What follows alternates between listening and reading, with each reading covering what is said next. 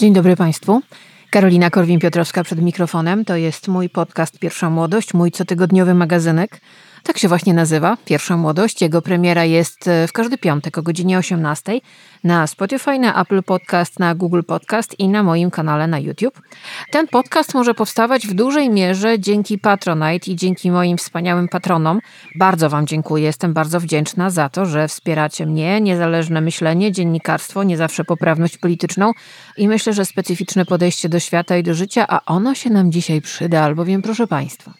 Dzisiaj będziemy mówić o tym, że był taki jeden dzień, całkiem niedawno, gdzie miałam takie wrażenie, że Wielka Brytania stała się znowu wielkim mocarstwem kolonialnym, bowiem nawet jeśli nie chcemy się do tego przyznać i mówimy sobie, nie no, to jest takie fuj, to są takie wyższe sfery, no obiboki, no debile, no nic nie robią, uprzywilejowani, biali, mężczyźni, Boże, straszne. No to się okazuje, że jednak nie ma chyba na ziemi nikogo, kto by nie wiedział, że król Karol III został właśnie królem. No właśnie.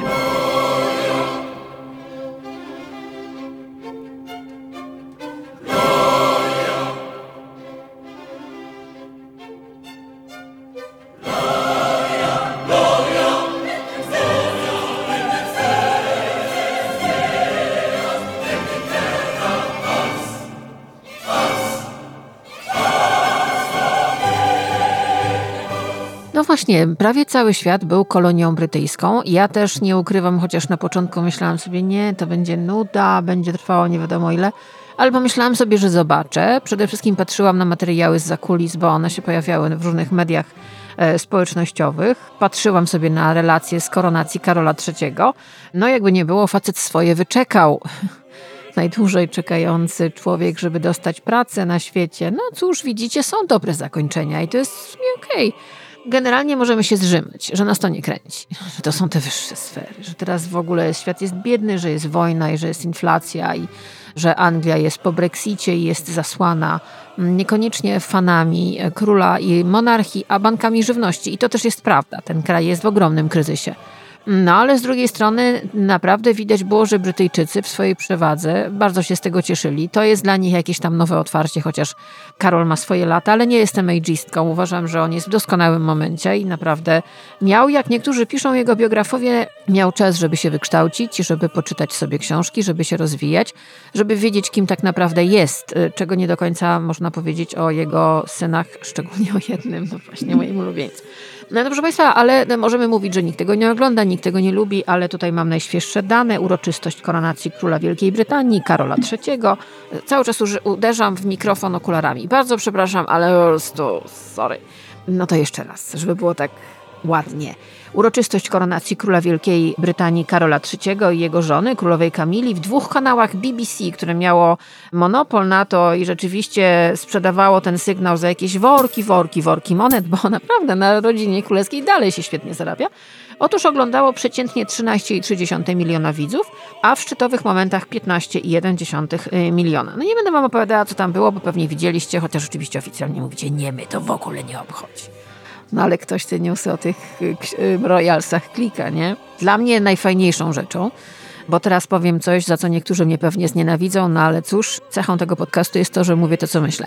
Ja naprawdę lubię Camille Parker Bowles i uważam, że ona jest naprawdę super babką. Jak sobie o niej poczytałam, niekoniecznie w plotkarskich pismach, ale w pismach, które no, jakoś tak poważniej traktują ludzi, to jest przede wszystkim inteligentna, fajna, e, rozrywkowa, mocno kobitka, która ma totalne poczucie humoru i wszyscy biografowie mówią jedno. On, Karol z nią jest przede wszystkim dlatego, że się lubią i to widać, widać było to na tej uroczystości, ale przede wszystkim też dlatego, że ona go bawi, ona go rozbawia, oni mają bardzo podobne poczucie humoru.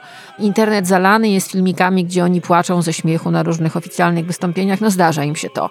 E, rzeczywiście widać, że mają tak zwany przelot. No, ale przede wszystkim e, Kamila bardzo kocha zwierzęta i bardzo kocha swoją rodzinę. No to jest dla mnie czysty rock and roll zaprosić swojego byłego męża na to, na uroczystość, kiedy jest się koronowaną na królową. To jest przede wszystkim objaw dobrych manier, dobrych manier a po drugie to jest czysty rock and roll. Ale poza tym, słuchajcie, ona miała na sukni wyhaftowane bardzo fajne rzeczy. Przede wszystkim inicjały i imiona swoich dzieci. Dzieci z małżeństwa z Andrew Parker, Bowlesem, który był na uroczystości koronacji i ukochane wnuki. Tam były też wyhaftowane dwa pieski, pieski Bluebell i Beth. To są teriery, Jack Russelle. Ja też mam Jack Russelle. Te pieski są adoptowane ze schroniska Battersea Dogs and Cats Home i ona od lat jest wierna tej rasie, uwielbia te pieski. I ta suknia w kolorze kości słoniowej była wyhaftowana srebrem i złotem. No i właśnie złote były te pieski, a srebrne były imiona jej dzieci i jej wnuków i ja uważam, że to jest po prostu czysty rock and roll. No właśnie, proszę Państwa, to może jeszcze teraz na chwilę Gloria.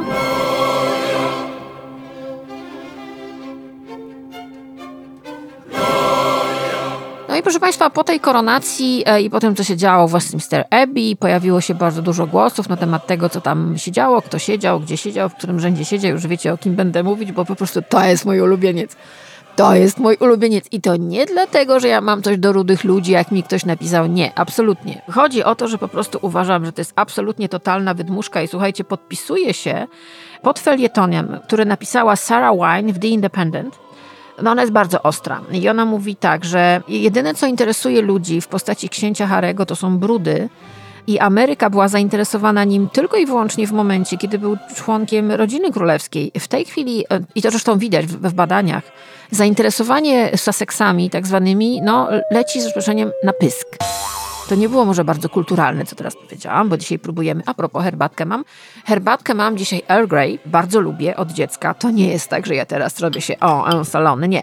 Zawsze lubię Earl Greya i troszeczkę cukru, nie za gorąca. To teraz się napiję. I przechodzimy dalej, bo ten tekst The Independent jest ostry. Bo między innymi wynika z tego, że autor widmo książki e, biograficznej księcia Harego, J.R. Meringer, o którym mówiłam Państwu w jednym z poprzednich podcastów, no udzielił wywiadu. Postanowił tego wywiadu udzielić, chociaż zwykle tego nie robi, ale no ewidentnie było coś na rzeczy i zaraz Państwu powiem co. No bo on powiedział, że miał e, pewne poprawki związane z pisaniem tej książki, miał pewne trudności z, związane z pisaniem książki z księciem, z księciem Harym i mówił, że aż doszło do tego, że podniósł głos i tutaj jest cytat, głowa mi pulsowała, szczęka była zaciśnięta i zaczynałem podnosić głos. O co poszło? Kłótnia między nimi była na Zoomie i chodziło o fragment książki, w którym książę opowiada, jak podczas szkolenia wojskowego został, tutaj w cudzysłów wzięte słowo, schwytany przez kolegów odgrywających rolę terrorystów. I teraz uwaga. W ramach ćwiczeń żołnierze wykrzykiwali obelgi pod jego adresem, w tym nikczemne obelgi pod adresem jego matki, zmarłej, zmarłej księżnej Diany. Teraz książę chciał, e, żeby to zostało w tej książce, ponieważ uważał, że cała ta historia pokazuje, że on jest sprytny. Meringer dopytuje, no dlaczego tak, jakby dlaczego historię tak bardzo brutalną, tak bardzo bolesną, nie tylko dla niego, ale także i dla jego matki, on jednak chciał umieścić w książce. On mówił, że przez całe życie czuł się poniżany przez ludzi, którzy kwestionowali jego inteligencję. Będę brutalna, nie dziwię się. Czuł, że ten incydent udowodni im, że się mylili, ale Meringer mówił, żeby tego nie robić. On jednak znał się na, zna się na słowie, zna się na pisaniu i powiedział, że jego zdaniem było to niepotrzebne i nieco bezsensowne. I teraz, y, co mówi dziennikarka The Independent, która ewidentnie w ogóle zna royalsów i zna kulisy? Ona mówi tak. No, tak naprawdę to jest y, y, kolejny kamyczek do ogródka z napisem, jaki jest naprawdę książę Harry, który jak wiemy przyjechał solo na koronację własnego ojca. Był tam bodaj dwie czy trzy godziny w niezbyt uprasowanym fraku, ubraniu od Diora. Wszyscy się śmiali, że po pierwsze nie za, dobry, nie za dobre to ubranie, po drugie wymięte, czyli niestety żona nie, za, nie zapakowała mu przenośnego żelazka i to jest oczywiście też ten problem, z którym on się może teraz borykać, no bo on nie ma już swojego lokaja, bo normalnie to by lokaj zadbał. Znaczy y, dla ludzi, którzy nie wiedzą, kim jest lokaj, to jest ktoś taki, kto na przykład właśnie prasuje ci ubranie, żebyś nie wyglądał jak wymięte i nieposłane łóżko na koronację własnego ojca, kiedy idziesz do Westminster Abbey. No i oczywiście ten tekst y, w The Independent jest bardzo ostry, bo on mówi, y, ta dziennikarka pisze wprost, to co pisze Meringer, czyli ghostwriter biografii księcia Harego, jest potwierdzeniem tego, że facet, mówię tu o księciu, byłem, znaczy ja już nie wiem jaki on ma tytuł, e, Sussex, No, że on jest po prostu autodestrukcyjnym kolesiem, bardzo nakręconym, który jest y, y, głuchy kompletnie na dobre rady ludzi, którzy mu naprawdę dobrze życzą, który jest y, wręcz opętany różnymi teoriami spiskowymi na swój temat i na temat swojej matki, co zresztą wynikało z bardzo wielu y, informacji na temat tego, jak on się poznał z Meghan Markle i w ogóle jak ona go owinęła sobie wokół palca, no już nie będę w to szła. Do tej pory, kiedy była babcia i to wszyscy piszą i rzeczywiście wszystkich, we wszystkich tych relacjach, zarówno jemu pochlebnych, jak i niepochlebnych, było to, że kiedy żyła Elżbieta II, ona była w stanie załagodzić różne spory. To, co się stało w Westminster, Westminster Abbey i to, jak to wszystko wyglądało, pokazuje, że royalsi nie będą się z nim cackać. To, co odczytano z ruchu jego warg, kiedy rozmawiał z siedzący obok niego jakimś tam dalekim kuzynem, też wygląda na to, że on ma dość wszystkiego. Nie wiadomo, czy chodzi o media, czy chodzi mu o rodzinę, e, że on nie chce być tak traktowany. No, sam sobie gdzieś do, do, na to zasłużył. No tutaj najważniejszy chyba dzień w życiu ich ojca. No i on robi wielkie halo. No nie, nie wiadomo, czy przyjedzie, a w końcu jak przyjeżdża, to jednak sama, a w ogóle to chce być tylko dwie czy trzy godziny. Kiedy okazało się, i to jest informacja świeżutka, że on był zaproszony zarówno na wszystkie eventy i ojciec na nawet chciał, ale to politycy mu odradzili, żeby on stanął na, na balkonie ze wszystkimi członkami rodziny. Politycy, którzy no, rządzą królem, pamiętajmy, powiedzieli mu Rishi Sunak, że nie, że to, jest, to będzie bardzo niedobry sygnał dla poddanych. No dobrze. E, no i sam ten biedny książę Harry szedł sobie sam w tym swoim pamiętnym ubranku od Diora, którego nie miał mu kto wyprasować i dziennikarka rzeczywiście pisze wprost, że po tym wszystkim, co zobaczył cały świat, kiedy ten smutny człowiek, który został potem przykryty zresztą przez fantazyjny pióropusz na czapce księżnej Anny, księżniczki Anny, przepraszam, jego ciotki, to był niesamowity pióropusz. Księżniczka Anna nie mogła zdjąć tego nakrycia głowy. To wynikało z całego ceremoniału. Zresztą ona była potem kimś w rodzaju takiego głównego ochroniarza swojego brata w drodze do pałacu Buckingham. Ona jest w ogóle w armii, jest, jest żołnierką, więc no, ten strój nie mogła zdjąć tego nakrycia głowy, które miała i które za, za, zasłaniało siedzącego za nią księcia Harego. Podobno też zresztą w BBC poproszono, żeby kamery nie pokazywały go za bardzo, no bo w sumie dlaczego mieliby go pokazywać? Jak pisze dziennikarka z The Independent, Harry ma jeszcze podpisany kontrakt na dwie książki. Ta jedna książka uczyniła z niego naprawdę, jak to niektórzy złośliwie mm, mówili, ja oglądałam transmisję na Sky News, the best-selling author, czyli autor bestsellerów. Rzeczywiście okej, okay, ta pierwsza się sprzedała, no ale dziennikarka pyta, i ja też się zastanawiam, nie ukrywam, bo przeczytałam tę książkę. Co on jeszcze może sprzedać? Znaczy, co on jeszcze włoży w dwie kolejne książki? Nie wiem, powieść napisze, kryminał, nie wiem, porno jakieś Zastanawiam się, i tu jestem oczywiście złośliwa, bo, bo nie wiem, co on jeszcze ma do zaoferowania i to samo pisze ta dziennikarka, mm, że ma wielomilionowy kontrakt z Penguin Random House, no i pytanie, co on jeszcze ma zamiar dostarczyć temu wydawcy. Mało tego, i to też jest prawda, ja to sprawdziłam. Z dużą e, e, pompą zapowiadano podcasty, które robił ze swoją żoną i tam słuchalność była naprawdę słaba. Poza grupą wykupionych i w ogóle ale takich e, ludzi, którzy za, za, za pieniądze robili im reklamę, poza grupą przyjaciół, która ich tam gdzieś próbowała wspierać, to nie wywarło żadnego, żadnego zainteresowania. Słuchalność była mała, pieniądze były zainwestowane ogromne. Książka, którą napisała księżna Sussex, też kompletnie legła, książka dla dzieci. Oczywiście pochlebne recenzje, jak się potem okazało, w większości były kupione. Więc no, generalnie wygląda na to, że w kontekście Sussexów, e, księcia Harego i jego żony, niestety sprzedaje się wyłącznie, jak tutaj czytam w The Independent, brud. Ludzie chcą brudu i to się sprzedaje praktycznie jego jedyną mocą jest to, że będzie coraz bardziej uderzał w rodzinę królewską, czyli w swojego ojca, który zresztą jak wygłaszał toast na uroczystości po koronacji, e, zwrócił się do swoich wnuczków, szczególnie do jednego, gdziekolwiek jesteś, Archie. No on tych dzieci, tych wnuków nie widział od bardzo dawna. No cóż, proszę Państwa, e, jesteśmy po koronacji, to może jeszcze raz.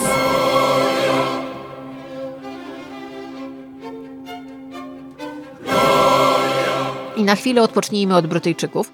Tydzień temu mówiłam Państwu o Elizabeth Holmes i o jej firmie Terranos i o tym wielkim przekręcie niewątpliwie zdolnej dziewczyny, bardzo inteligentnej, bardzo sprytnej też, która założyła firmę w wieku 19 lat, bardzo szybko została miliarderką, która sama zrobiła swoje pieniądze, nie, ich, nie je odziedziczyła. Była kobietą mówiącą niskim, takim e, wibrującym głosem, zawsze z czerwoną szminką na ustach, w czarnym golfie, kobietą absolutnie oddaną swojej pracy, kobietą w świecie mężczyzn, mężczyzn i technolo- e, w świecie technologii. No i nagle wybuchł wielki skandal. No i teraz się okazuje, że prawie no jak na zawołanie w New York Timesie ukazał się pierwszy od 2016 roku wywiad z Elizabeth Holmes. Mm, rozmawiała z nią niejaka Amy, Amy Chozik, chyba tak to się czyta, I to jest bardzo długa, merytoryczna rozmowa. Przede wszystkim y, y, zaczyna się od opowieści o tym, jak Elizabeth Holmes przychodzi na spotkanie z dziennikarką do zoo, bo w tym zoo, y, to jest zoo w San Diego, y, do którego wchodzi z jednym dzieckiem przerzuconym na, w takiej specjalnej chuście przez ramię, a drugie w wózeczku razem z jej, y, z jej mężem. Początek tekstu jest taki. Elizabeth Holmes wtapia się w tłum innych mam, w kapeluszu i okularach przeciwsłonecznych, z noworodkiem przywiązanym do piersi i owiniętym w kocyk do karmienia Baby Yoda. Przychodzimy obok rodziny orangutanów w klatkach i rozmawiamy o tym, jak pani Holmes przygotowuje się do pójścia do więzienia za jeden z najgłośniejszych przypadków oszustw korporacyjnych w najnowszej historii. No i teraz tak, po pierwsze, Elizabeth Holmes już nie mówi tym swoim niskim głosem, który sobie sama ustawiła, kiedy walczyła o swoją firmę. Nie, nie nosi już czarnych golfów, wygląda normalnie i nie maluje ust na czerwono. Jest matką dwojga dzieci, jest żoną. Historia tak naprawdę jest dość długa i zaczyna się od tego, że na od 2016 roku, kiedy wybuchł skandal, Elizabeth Holmes nie rozmawia z mediami. Jej zespół prawny, jak mówi w tym tekście tutaj, świeżutkim z New York Timesa, poradził jej, żeby się uspokoiła, żeby nie udawała w ogóle żadnej pożywki mediom, bo przysłowie mówi, jeśli nie karmisz prasy, my karmimy się tobą. W Elizabeth Holmes była jak bufet, w którym wszystko można zjeść, tak pisano o niej, bo rzeczywiście tam każda historia była, każda, każda. Z, toksyczny związek z mężczyzną, oszustwo finansowe, oszustwo korporacyjne, wyłudzenie pieniędzy, tam po prostu było wszystko. Ona teraz mówi otwarcie w tym wywiadzie, że się po prostu pogubiła, y, że ma wrażenie, że wszyscy się nią bawią, że wszyscy grają postać, którą ona wymyśliła i stworzyła, ale też nie do końca, bo mówi, że miała 19 lat, założyła firmę i wydawało jej się, że złapałaby kazarogi, że jest omnipotentna. Okazało się, że nic bardziej mm, mylnego. Przypomnę, ona była najmłodszą na świecie kobietą miliarderką. Jej majątek, majątek wynosił 4,5 miliarda dolarów i była jedną z najbardziej cenionych i widocznych, co też mówiłam w zeszłym tygodniu, prezesek na świecie. Znaczy media oszalały na punkcie tej dziewczyny, która była bardzo przekonywująca, była bardzo charyzmatyczna, była bardzo ładna, młoda, świeża, no i ta czerwona szminka, te czarne golfy, prawie jak Steve Jobs, no prawie robi jednak różnicę, ale była rozprawa skazująca Elizabeth Holmes w listopadzie 2022 roku, była wtedy w ciąży z drugim dzieckiem, no i okazało się, że słuchajcie, od marca jej zespół prawny próbuje ją jakoś uwolnić od obowiązku pójścia do więzienia. Ten tekst w New York Timesie, o którym Państwu mówię, jest też oparty o to, że sobie ona z mężem odlicza wręcz dni do pójścia za kraty. Naprawdę. E, zakochała się w owym e, swoim mężu, e, o którym mówi się pan Evans. Zresztą ich zdjęcie w New York Timesie jest. Patroni z Patronite'a dostaną link do tego artykułu i zobaczycie to zdjęcie. Zakochali się sobie w 2017 roku. Kiedy się zakochali, byli pewni, że ona nie zostanie postawiona w stan oskarżenia. No gratuluję dobrego samopoczucia. Nie przewidywali tego, tak przynajmniej twierdzą. No i gro, jej grozi 11 lat więzienia, słuchajcie. Postanowili, ponieważ zawsze chcieli mieć rodzinę, zrobili sobie jedno dziecko, mówię tutaj eufemistycznie, potem drugie. No i ona wręcz odrzuca oskarżenia, które się pojawiły, że ona te dzieci ma tak trochę dlatego, żeby złagodzić sąd, żeby nie pójść do więzienia. To jest dość ciekawe, ale też dowiadujemy się z tego tekstu bardzo innych rzeczy ciekawych o niej, bo Słuchajcie, ona e, kilka razy w tygodniu przez 12 godzin jest e, pracowniczką telefonu takiej gorącej linii dla ofiar gwałtów i 12 e, godzin siedzi przy telefonie i zbiera dane od kobiet, mężczyzn, ofiar gwałtów. I to jest taka, taka praca, która, jak sama mówi, daje jej zupełnie nową energię. I to też jakby ona sama była kobietą zgwałconą. Ona została zgwałcona w studiach na drugim roku w Stanford i dokładnie wie, jak gwałt, którego wtedy stała się ofiarą, zdeterminował bardzo wiele jej wyborów. I tutaj przeskakujemy do mężczyzny, z którym, którym założyła firmę Terranos, czyli niejaki Sany Balwani. I teraz ona mówi wprost, to jest ewidentnie jej linia obrony. Ona mówi tak, że to dzięki niemu ona stała się tym, kim się stała i to on ją namówił do tych wszystkich historii finansowych i oczywiście mówi trochę jak pewna znana piosenkarka o swoim byłym mężu, producencie filmowym, że ona nie wiedziała, że, że ona była jakby przynętą do pewnych rzeczy, tak, i nie wiedziała, jakie papiery podpisuje, no ale jednak żyła z tych pieniędzy i miała je na koncie, no jakby dobra, machnijmy ręką. No nie zmienia to jednak faktu, że ona mówi wprost, że jej się wydawało i słuchała się w tym momencie Balwaniego, że jeżeli chcesz być dobrym przedsiębiorcą, jeżeli chcesz być dobrym szefem, menadżerem, no to musisz, tak jak Balwani jej kazał, uwaga, nie spać dłużej niż 5 godzin, przejść na wegan organizm, codziennie przychodzić do biura o 5 rano i przestać pić alkohol. Do tego dorzucamy tą słynną czerwoną szminkę firmy Canebo, czarne golfy, wizerunek, jasne włosy, to się wszystko po prostu zgadza. Czyli po prostu kultura zapierdolu na pełnej, tutaj trzy kropki. To jest jej linia obrony. Mam dwoje dzieci, mam zupełnie nowe życie, działam dla dobra innych, e, wszystkiemu winien jest Balwani. No, poczekamy, zobaczymy, czy rzeczywiście pójdzie siedzieć. Przypominam, serial Zepsuta krew, link jeszcze raz wam podeślę dla wszystkich patronów. To jest świetny kawał telewizyjnej roboty i w ogóle taka też opowieść właśnie o tym, jak media są kompletnie zidiociałe i kupią naprawdę każdy, każdy bullshit, każdy kawał zepsutej kości, którą im się rzuci. Asking yourself whether you're wrong is a really good good thing. If you really feel strong conviction that you're doing the right thing, then keep going. A w ogóle to wróćmy do piesków, jak jesteśmy przy kościach. Słuchajcie, znalazłam, bo mówiłam wam przed chwilą, że księżna... O, przepraszam, co ja mówię? Aż się muszę napić herbaty, żeby się opanować. Mm. Dobry, do, dobra herbata. O, widzicie, to wszystko słychać po prostu. Ja uderzam w mikrofon. O.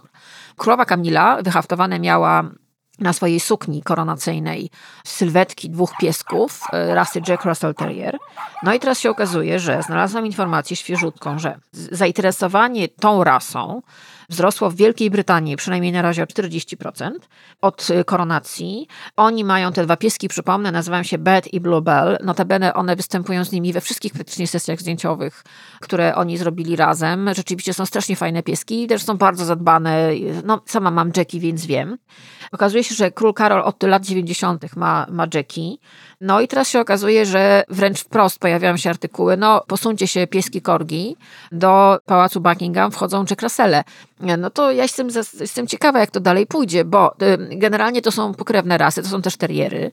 Jack Russelle żyją między 13 a 16 lat, chociaż ja znam Jacka, który ma lat 17, jest już trochę głuchy, ale fizycznie jest we wspaniałej formie. Mm, są pieski, które dochodzą do jakichś mniej więcej 10 kg, to zależy od tego, czy to jest chłopak, czy dziewczyna, no ale generalnie tyle mniej więcej ważą. Są małe, nie są wcale tak szczekliwe, jak niektórzy uważają. One są szczekliwe tak jak każde inne psy, bo uważam, że rasa to jest taki rodzaj, no nie wiem, rodzaj ubranka, kubratka. Są mniej więcej jednakowe jak są, głupi, jak są głupie, to dlatego, że właściciel jest głupi. Jak są szczekliwe, to dlatego, że właściciel nie panuje. Czasami nie da się też zapanować, oczywiście. Ja mam trójkę, więc wiem coś na ten temat. Ale no, generalnie to są psy, które teraz zaczynają wchodzić, że tak powiem, na pierwszą linię medialnego frontu. Trochę się tego obawiam, bo e, nie ma nic gorszego dla rasy stać się modną, bo natychmiast e, pojawia się przerasowienie, pojawiają się fałszywe hodowle. Zresztą sama znam kilka piesków też tej rasy z nielegalnych hodowli. No cóż, no w każdym razie w Wielkiej Brytanii e, na miejsce korgi, ulubionych piesków Elżbiety II, które notabene są w tej chwili pod opieką księżny Sary Ferguson, na miejsce korgi weszły Jack Russelle, do tego dwa wzięte ze schroniska, nazywają się Bet i Bluebell. No to może teraz coś o książce, co? I może to będzie książka o... Haha, arystokracji.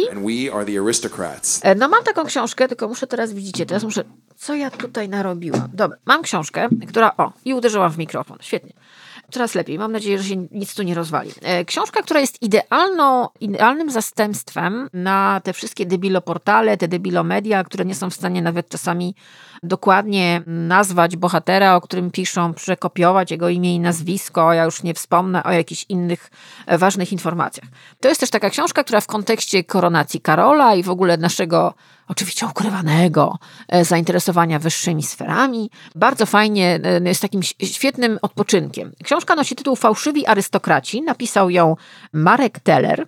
Na okładce czytam samozwańcy, intryganci, manipulatorzy. I to już to naprawdę dużo E, widać. I teraz tak, bardzo jest to fajna sprawa. Po pierwsze, przede wszystkim poza tym, że jest bardzo dobrze wartko napisana, ma bardzo bogate przypisy i bibliografię, więc jeżeli ktoś się naprawdę interesuje arystokracją i tymi postaciami, to proszę bardzo, zapraszam. Tam jest cała masa różnych źródeł, kwerenda jest wykonana idealnie. I teraz, kto jest bohaterem tej książki? Zaczynamy od rozdziału Cudownie Ocaleni i tam jest Jan z Wilczyny, Mikołaj, Mikołaj Rychlik i inni. Jest Dymitr Samozwaniec I i Anna Anderson, czyli kobieta, która podawała się za córkę cara Mikołaja II, Anastazję. Potem mamy rozdział Nieznani synowie, porzucone córki. I tutaj mamy Aleksander Kostka-Napierski, Mathieu de Brizakier i księżniczka Tarakanowa. Potem mamy kupiony prestiż, czyli tak zwane kupione tytuły. I tutaj mamy Zofię Witową Potocką. To jest w ogóle historia, bo to jest y, prostytutka. Nie wiem, czy można teraz powiedzieć prostytutka. Dobra, seks workerka, która została, uwaga, księżną. Naprawdę. I to jest niesamowita historia, autentyczny. Potem mamy książęta Mdiwani. Jest Michał Waszyński, notabene, no, bardzo ciekawa postać. To jest pan, który wymyślił siebie od początku do końca. Myślę, że to jest temat na jakiś kolejny podcast, bo to jest w ogóle niewiarygodna opowieść. Polecam film o nim na Netflixie. I jest Harry Court, który był notabene takim gwiazdorem salonów międzywojennych, w którym między innymi kochał się e, Jerzy Iwaszkiewicz. Bardzo wam polecam tę książkę. Knuli intrygi, wywoływali afery, oszukiwali nawet swoich bliskich, kim byli fałszywi arystokraci. No chodzi o to, że to wszystkimi tymi ludźmi powodowała chęć wybicia się ponad przeciętność, spełniania swoich marzeń, też mitomania, oczywiście narcyzm, może jakieś też, nie wiem, historie, że chcieli, myśleli, że zarobią pieniądze, sama nie wiem. Te historie są bardzo różne i bardzo wam polecam. Fałszywi arystokraci, Marek Teller, samozwańcy, intryganci, manipulatorzy, czyli no, osoby, które też często stały się gwiazdami mediów. Znowu uderzyłam w mikrofon, coraz lepiej, naprawdę. Mam nadzieję, że się nie obleję herbatą.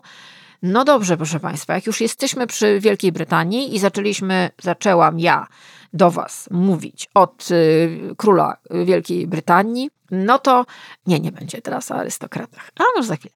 Będzie o humorze brytyjskim. Ja uważam, że humor brytyjski jest najlepszy na świecie i mówcie co chcecie. Oni są cudownie sarkastyczni, są bardzo inteligentni, są bardzo abstrakcyjni, co kocham, i są niepoprawni politycznie.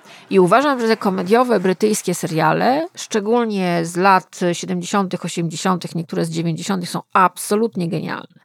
No i teraz, uwaga, zaczynamy od serialu, o którym mogę powiedzieć bez grama przesady, że w jakimś sensie mnie ukształtował. Tak, naprawdę. Posłuchajcie. I mean, a mosquito's never bitten you, for God's sake. The last mosquito that bit me had to book into the Betty Ford clinic.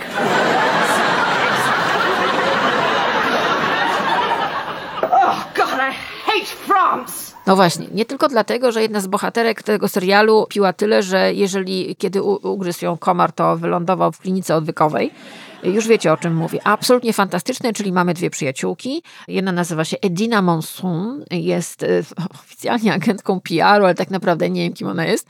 I ma przyjaciółkę, która nazywa się Patsy Stone. Mm, w tej roli wystąpiła genialna Joanna Lumley, zresztą ona była na koronacji króla Karola III zaproszona, bo oni się znają, tak? On w ogóle zna, ma bardzo dużo dobrych takich znajomości z aktorami, e, właśnie komediowymi, ale o tym trochę później. No i słuchajcie, e, Jennifer Saunders z Joanną Lumley stworzyły w absolutnie fantastyczne, niesamowity, bardzo niepoprawny politycznie duet. Ja mam to na DVD bo tego nigdzie nie można niestety obejrzeć. Szukałam na różnych serwisach streamingowych, szukałam w sieci Absolutely Fabulous, nie ma tego. Znaczy to nie wiem, nie wiem dlaczego, czy wygasły jakieś prawa. Ja na szczęście mam wszystko na DVD, ponieważ ja mam wszystko na DVD i jestem dzięki temu absolutnie niezależna i mam swój własny prywatny serwis streamingowy i jakiś tam, nie wiem, guru z góry nie będzie mi mówił, co mogę oglądać, a czego nie. Gdzieś tam mam. I dlatego y, zaczynam od absolutnie fantastycznych, które można gdzieś dopaść na mm, różnych serwisach aukcyjnych za naprawdę duże pieniądze, niestety. Ale powiem Wam tak, to jest warte tej ceny. Niedawno włączyłam sobie dokładnie w majówkę, kiedy wracałam z psem od weterynarza, bo już naprawdę i miałam wszystkiego dosyć, włączyłam sobie absolutnie fantastyczne. I powiem wam, wyłam przed telewizorem po prostu równo. To się nic nie zestarzało, chociaż to jest sitcom z lat 90. i można by powiedzieć, że niektóre rzeczy, no. Pff, mogą wzbudzać nawet przerażenie. No bo proszę Państwa, co my tam mamy? My tam mamy przede wszystkim dwie kobiety, które są totalnymi tumiwisistycznymi lalkami. Obie nadużywają alkoholu. Patsy nadużywa go bardziej. Patsy przestała jeść w pewnym momencie, bo ona jedyne kalorie, jakie e, wprowadza do organizmu, to jest alkohol, bo ona ma obsesję na punkcie wagi, więc już mamy, prawda, shaming, te historie. Edina jest jeszcze gorzej, bo Edina się non-stop odchudza, kupuje za małe ubrania, Boże, skąd my to znamy, kupuje je za ogromne pieniądze, jest zakupocholiczką, jest alkoholiczką, jest generalnie jakąś totalną psychopatką, zresztą co ja wam będę mówiła, posłuchajcie. Servants, couldn't we, darling? Oh, yeah. Mm -hmm. Butlers, maids, houseboys. Boys. we have a lot of servants. I want a lot of servants. What do you call it when it's a lot of servants? It's a. Uh.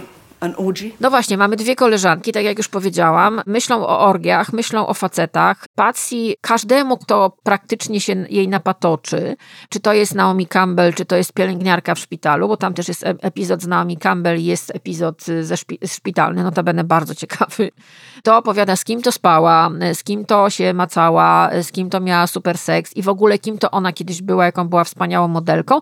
To jest taka kolejna mitomanka show biznesowa, która opowiada o sobie różne banialuki, a ludzie to oczywiście łykają. Ona zresztą wygląda w sposób dość, powiedziałabym, specyficzny. Ona ma taki duży garnek na głowie, który imituje fryzurę, taki duży, taki, taki, taki, taki, taki ma, jak to się nazywa, nie wiem. No w każdym razie tupet na, ma, na, ma na głowie i ten kok jest taki, powiedziałabym, no, ro, robi wrażenie. Jest zawsze jakoś bardzo totalnie umalowana, zawsze ma szpilki, zawsze jest odstrojona i na tym tle jej przyjaciółka Edina, no wygląda delikatnie mówiąc trochę gorzej, bo nie dość, że ubiera się w za małe, ale markowe ubrania, no to jeszcze jest osobą, która jest mocno dysfunkcyjna, bo ma córkę, którą oficjalnie poniża. Córkę, która jest takim nerdem, która z matką ma życie, no nie za łatwe, to jest eufemizm, nie wiem jak wam to nazwać, no ale to nie jest idealny serial o tym, jak powinna wyglądać relacja matka-córka, nawet z pozycji 2023 roku, kiedy już wiemy, że te relacje bywają hmm, toksyczne. Everybody is there, everybody. Big names, you know. Chanel, Dior, Lagerfeld, Givenchy, Gaultier, darling. Names, names, names. Tam jest naprawdę bardzo, bardzo grubo. Do tego jeszcze mamy obsesję na punkcie sławy, pieniędzy, splendoru, zakupoholizm. Mówiłam? Długi. Mówiłam. I to nie są miłe babeczki. To nie są panie, które, które kochają y, kwiatki, roślinki. One nie są tolerancyjne. Aha, do tego. One nie są tolerancyjne wobec nikogo ale to jest smaczny serial. I tylko w Wielkiej Brytanii mogło powstać coś takiego. Mm, absolutnie fantastyczne są na DVD albo na Blu-rayu. Ja na szczęście mam. Ja na szczęście kupiłam. E, bo ja się obawiam, że w ogóle to jest jeden z tych seriali. Zresztą miał, były wersje fabularne nie najlepsze, ale mam takie wrażenie, że ten serial dzisiaj by na pewno nie powstał. Dzisiaj po prostu oddziały moralności i poprawności politycznej spaliłyby go na stosie. Na szczęście są płyty DVD i na szczęście można go oglądać. I na szczęście można słuchać dowcipów o tym, że jak ugryzie mnie komar, to ląduję w klinice odwykowej, bo mam w sobie tyle alkoholu.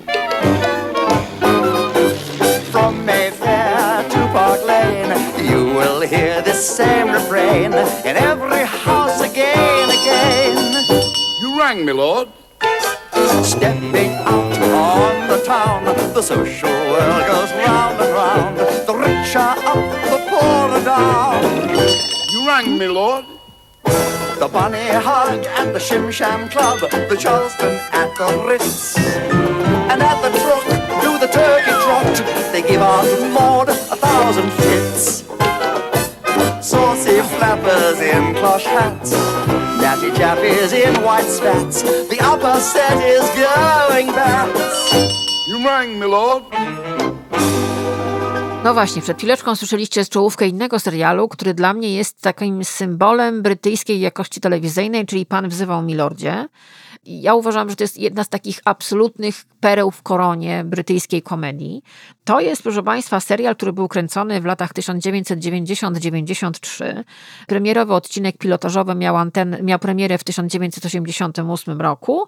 W sumie było tylko 26 odcinków, podzielonych na cztery serie, czyli to się naprawdę bardzo łatwo połyka. On jest na DVD, on jest też legalnie na, w serwisie Kanal Plus, bardzo Wam polecam. I teraz tak.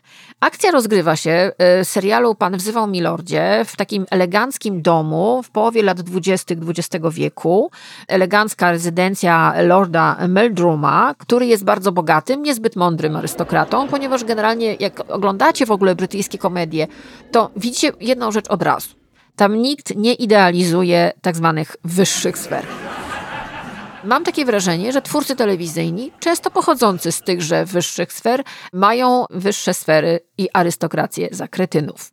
Czyli naprawdę nie dziwmy się temu, jak media traktują księcia Harego i część albo nawet całą jego rodzinę. Znaczy tam nikt nie ma złudzeń co do tego, że to nie są ludzie, którzy dostaną kiedyś Nobla za odkrycia w dziedzinie fizyki albo medycyny. Nie, nie, oni nie mają złudzeń. I ten serial, Pan wzywał Milordzie, trochę o tym jest, bo Lord Meldrum jest kretynem. Mało tego, jego dzieci to też są kretyni. Jego brat jest idiotą. Jego służba jest mądrzejsza od niego. Ten serial dzieje się jakby na dwóch poziomach. Mamy górę, czyli tam, gdzie mieszka Lord Meldrum i jego, jego dzieci. Jego brat Teddy, teściowa Lady Lavender i jego dwie córki. Pierwsza Poppy, która jest y, seksocholiczką, jest kompletną kretynką i całe życie spędza na tym, żeby znaleźć bogatego męża. I Sissy, która jest wyzwoloną lesbijką, otwarcie wyautowaną, która chodzi ubrana jak mężczyzna, notabene ma świetne stylizacje. A piętro niżej, w podziemiach, mieszkają służący albo na samej górze. I ci służący mają więcej jakby mądrości życiowej niż niejaki Lord Medlum. Mało tego, Poppy e, generalnie podrywa pewnego Jamesa, który jest tam lokajem. Zresztą, Boże, posłuchajcie tego. Poppy ma obsesję na punkcie Jamesa, bo on jest silny, on jest męski, on jest taki spocony, on jest taki... I te kwiatki tak układa, posłuchaj. Oh, hello, James. Where's Daddy? I think he's changing for dinner. I'm about to assist the Honourable Edward. Well, that lovely fruit. You've done it beautifully. Just like Mummy used to do. Thank you, Miss Poppy. You do all the flowers in the house too, don't you? I'll do my best. Suppose I ought to, really. I'm a bit of a duffer at that sort of thing, and you're terribly artistic. Yet you're so masculine. To jest serial, który nie oddziera was ze złudzeń. Znaczy, jeżeli myśleliście, że tam są jacyś wybitni, delikatni, subtelni, mądrzy, wyrafinowani, wybitnie inteligentni intelektualiści, no to pan wzywał Milordzie pokazuje wam warstwę wyższą brytyjskiego społeczeństwa jako zbiorowisko bogatych ignorantów i kretynów. Może w tym jest trochę prawdy.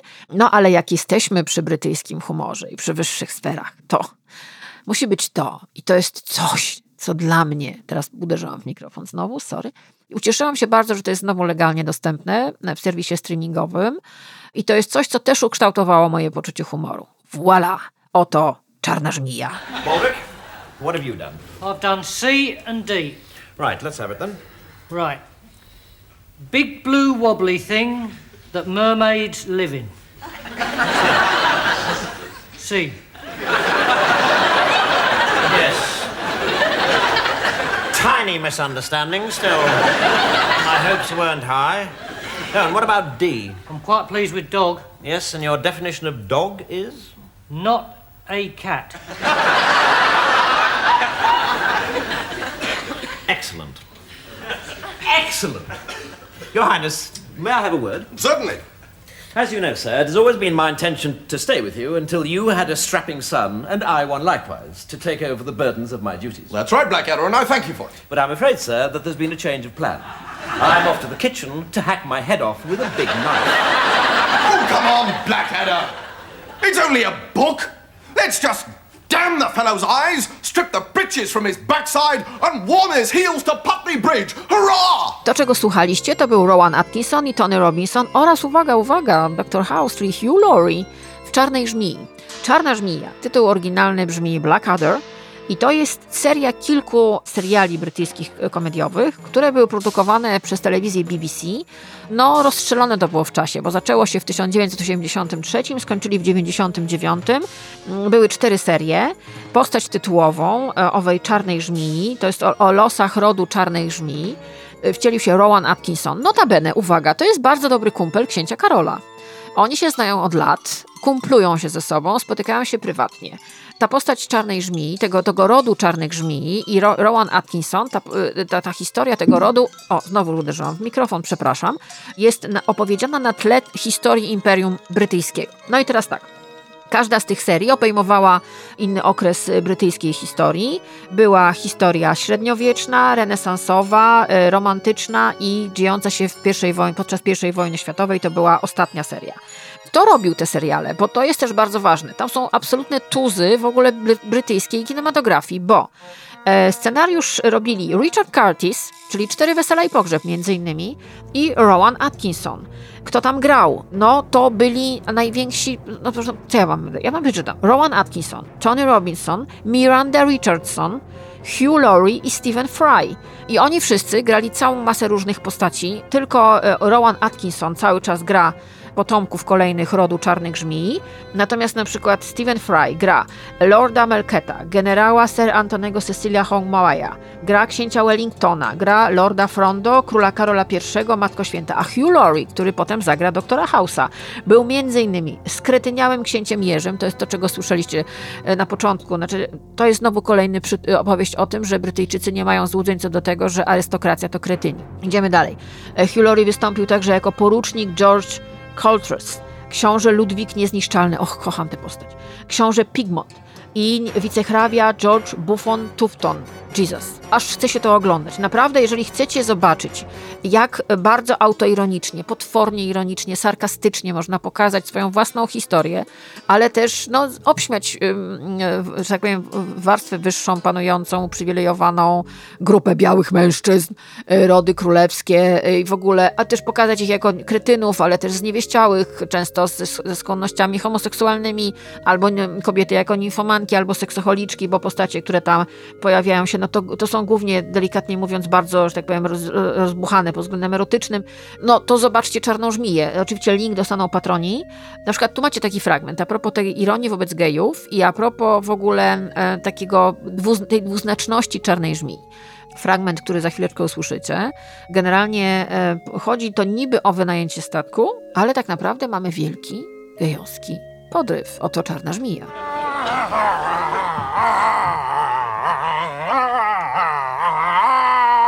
Me laddie. Ah, ah, ah, indeed.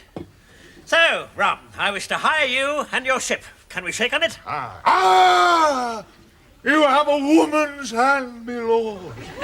I wager these dainty pinkies never weighed anchor in a storm. Well, you're right there.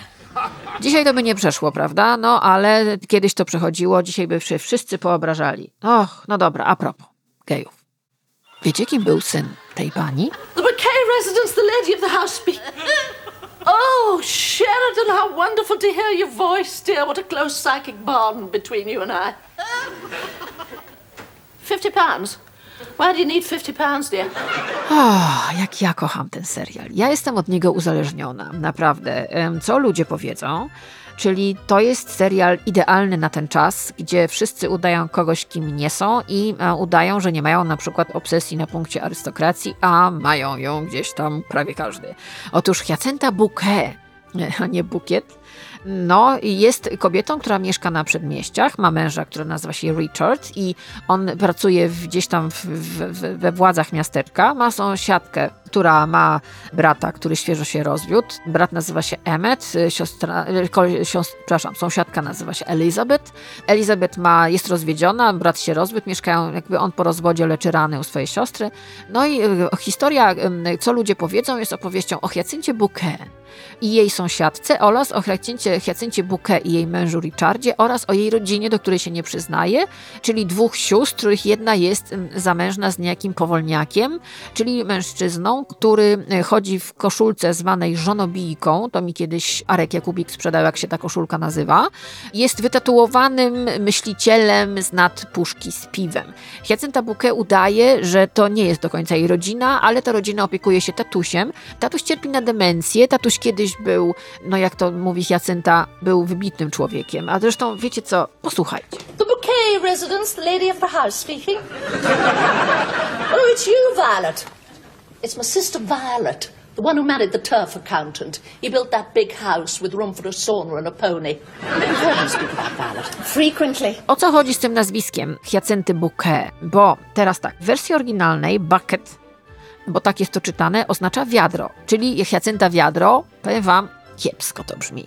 No i dlatego główna bohaterka notorycznie w każdym odcinku e, upiera się, żeby wymawiać jej nazwisko w sposób bardziej wyrafinowany, bardziej królewski. No błagam, przecież ta kobieta ma w domu zestaw wypoczynkowy, który jest oryginalną kopią zestawu wypoczynkowego królowej z Sandringham. No kurde, no to ona się nie nazywa wiadro, ona się nazywa bouquet. Kocham te momenty, zresztą na YouTubie jest cała masa zmontowanych fragmentów tych jej najlepszych wystąpień na temat właśnie wypowiadania tego nazwiska. Zresztą co ja wam będę mówiła, posłuchajcie. How do you spell bouquet? B-U-C-K-E-T.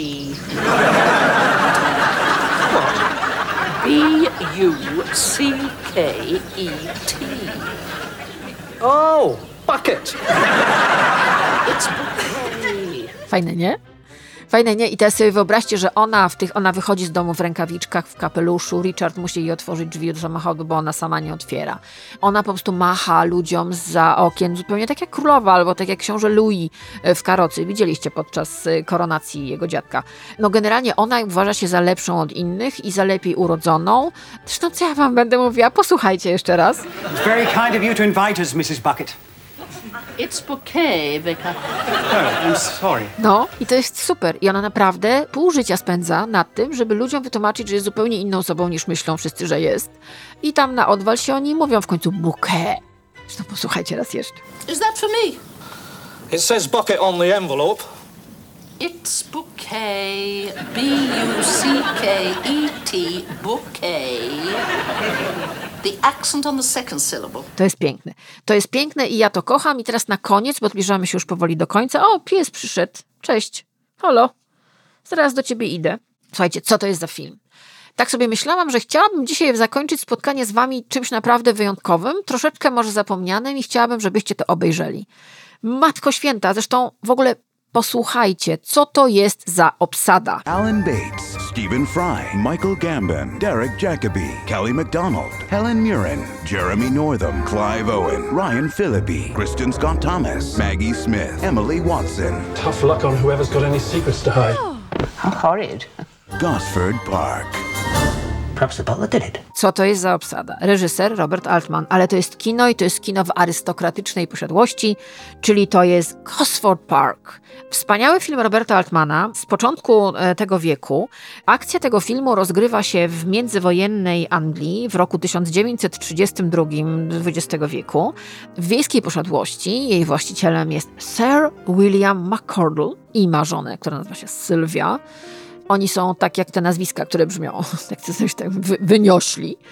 No i słuchajcie, oni w pewien taki listopadowy dzień dla ubarwienia sobie życia zapraszają do swojej rezydencji krewnych, przyjaciół i znajomych. No i ci wszyscy krewni, przyjaciele i znajomi, jeżeli oglądaliście Downtown Abbey, a pewnie oglądaliście, e, no to wiecie, że zawsze przywożą ze sobą, ze sobą swoich y, służących, no bo głupota. Poza tym nie po to jesteśmy arystokracją, żeby, prawda, nie, wieź, nie wozić ze sobą lokaja, bo potem wylądujemy, prawda, prawda? Jak książę Harry, który w wymiętym ubraniu, bo nie miał lokaja, paradował przez Westminster Abbey, prawda? Po to się wozi ze sobą służących. No i oni sobie przyjeżdżają do, tego, do tej posiadłości i sobie gadają, tam gadają, gadają. Jest oczywiście przyjęcie, jest w ogóle wszystko fantastycznie, niby jest cudownie i fantastycznie, ale już czujemy, że to nie będzie kino akcji, tylko to jest kino, które opiera się na ogromnej sile bardzo ironicznych, fantastycznie napisanych dialogów, bardzo złośliwych, bardzo takich, takie też szpileczki są takie arystokratyczne, są takie naprawdę z wdziękiem i kulturą wypuszczane, no ale w pewnym momencie niestety senior rodu zostaje zamordowany.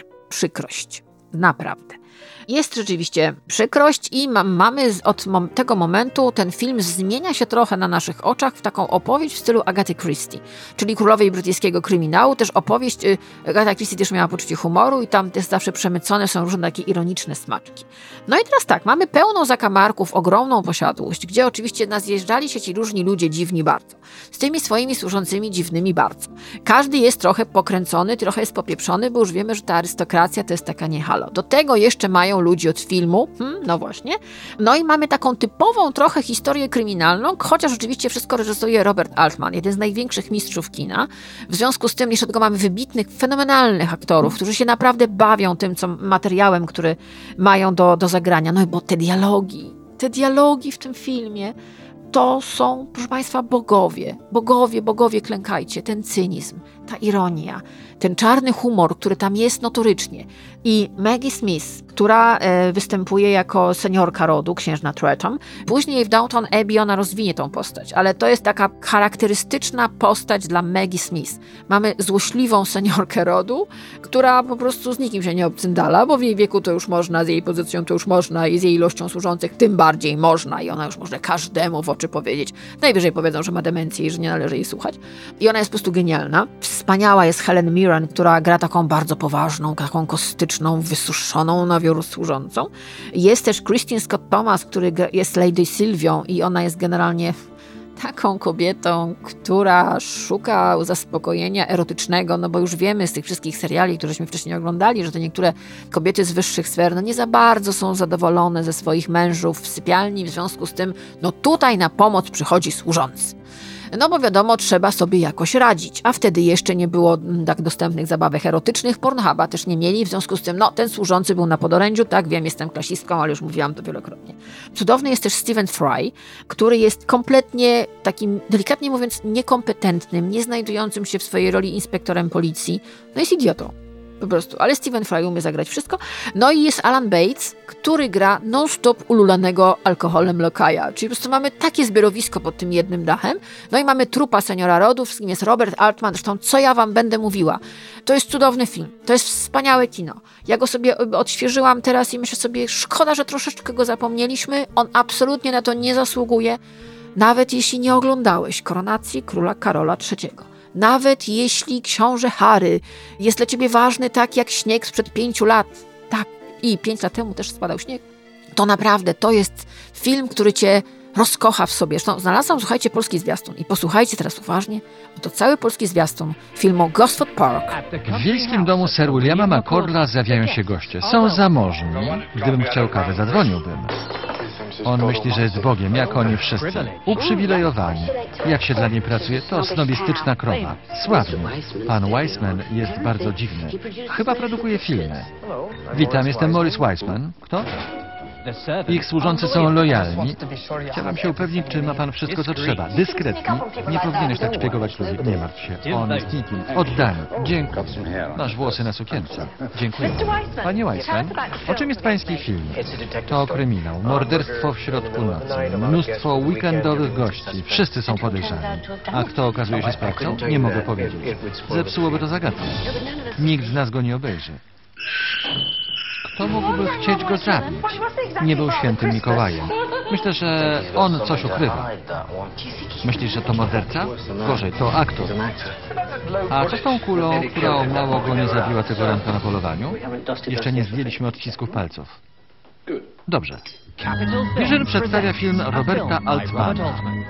Pomyślałem, że może ma Pani ochotę na towarzystwo. Życie musi toczyć się dalej. Alan Bates, Stephen Fry, Michael Gambon, Derek Jacobi, Kelly MacDonald, Helen Mirren, Jeremy Northam, Clive Owen, Ryan Phillip, Kristen Scott Thomas, Maggie Smith, Emily Watts. Biada tym, którzy mają coś do ukrycia. Straszne. Gosford Park. Może Loka jest zabójcą? Oscar za najlepszy scenariusz oryginalny. Ach, no i popijając herbatkę, jeszcze raz właśnie, bo tak się rozgadałam. Jednak ten elevator, to naprawdę, no Brytyjczycy wymyślili to. Ja jestem herbatkowa, chociaż też kawowa jestem, ale no te brytyjskie herbatki, no nawet jak byłam mała, słuchajcie, piłam z mlekiem. Dlaczego ja teraz mówię wam o herbatce? No dobra. E, odcinek był o Wielkiej Brytanii trochę. Trochę o, o humorze brytyjskim, który jest cudowny, wspaniały. I myślę, że po raz jeszcze zrobię parę odcinków takich o brytyjskich serialach, bo one są absolutnie genialne. Mam też takie, ponieważ ja to zbieram niestety maniakalnie, których nie było w Polsce i to są takie, przy których człowiek się tarza po prostu na ziemi i które są totalnie niepoprawne politycznie i myślę, że już nigdy by dzisiaj nikt tego nie nakręcił, bo wszyscy by się poobrażali, bo wsadzaliby się do, nawzajem do więzień, powyzywali się na Facebooku, a status związku byłby to skomplikowany no bo niestety żyjemy w takich trochę chorych czasach, więc popijając herbatkę, żegnam się z Wami. To był podcast Pierwsza Młodość, który przygotowała i prowadziła Karolina Korwin-Piotrowska. Dzisiaj trochę rozochocona, wszak mamy nowego króla Anglii, ale fajnie, że ma Jackie Russell. Nasz, y, mój podcast y, ma premierę, mój magazynek ma premierę co tydzień w piątek o godzinie 18 na Apple Podcast, na Google Podcast, na Spotify i na YouTubie. Ten podcast powstaje w dużej mierze dzięki moim cudownym, wspaniałym patronom z Patronite'a, którzy co tydzień od progu 25 mają w swoich skrzynkach bardzo fajne newslettery. No dzisiaj będziecie mieli hit, bo też macie coś, o co prosiliście, bo okazuje się, że wam czasami wysyłam piosenki, których ostatnio słucham, więc tam będzie trochę takich rzeczy, będzie tego trochę więcej. No i oczywiście linki do wszystkich tych filmów i seriali, o których wam mówiłam, i do książek, i do tego artykułu o Elizabeth Holmes. Zobaczycie, jak teraz wygląda i że nie nosi czerwonej szminki że ma dwoje uroczych dzieci i że nie chce iść do więzienia. No nikt by nie chciał. Wydawcą mojego podcastu pytacie, kto tak pięknie montuje, Mateusz Nowosad. To on to tak wszystko super układa. No i co? Co jeszcze chciałam wam powiedzieć? Że wiecie co? Są różne zawody, bez których nie wyobrażamy sobie świata. Ja jestem sobie w stanie wyobrazić świat bez króla, zdecydowanie. I myślę, że Wielka Brytania jest na drodze ku, bycia, ku byciu republiką. Nie wiem, czy to się stanie za naszego życia, ale może. Natomiast nie, nie wyobrażam sobie świata na przykład bez e, śmieciarza. I to ostatnio komuś powiedziałam i ten ktoś się na mnie obruszył, że znowu jestem klasistką, ale nie wiem, w którą stronę teraz. Ja nie wiem, mi się wydawało, że jestem jakaś bardzo lewicowa, bo sobie wyobrażam świat bez króla, ale nie bez śmieciarza. No i tym optymistycznym akcentem, proszę Państwa, żegnam się z Wami do następnego tygodnia. To była pierwsza młodość. No i co może być na koniec? Co może być na koniec podcastu, w którym trochę przejechałam się po brytyjskiej rodzinie królewskiej i po wyższych, uprzywilejowanych sferach, co do których nie mam żadnych złudzeń i uważam, że w większości to kretyni, zresztą tak jak większość ludzkości. No cóż, Gloria, Mozart, msza koronacyjna. Do usłyszenia za tydzień.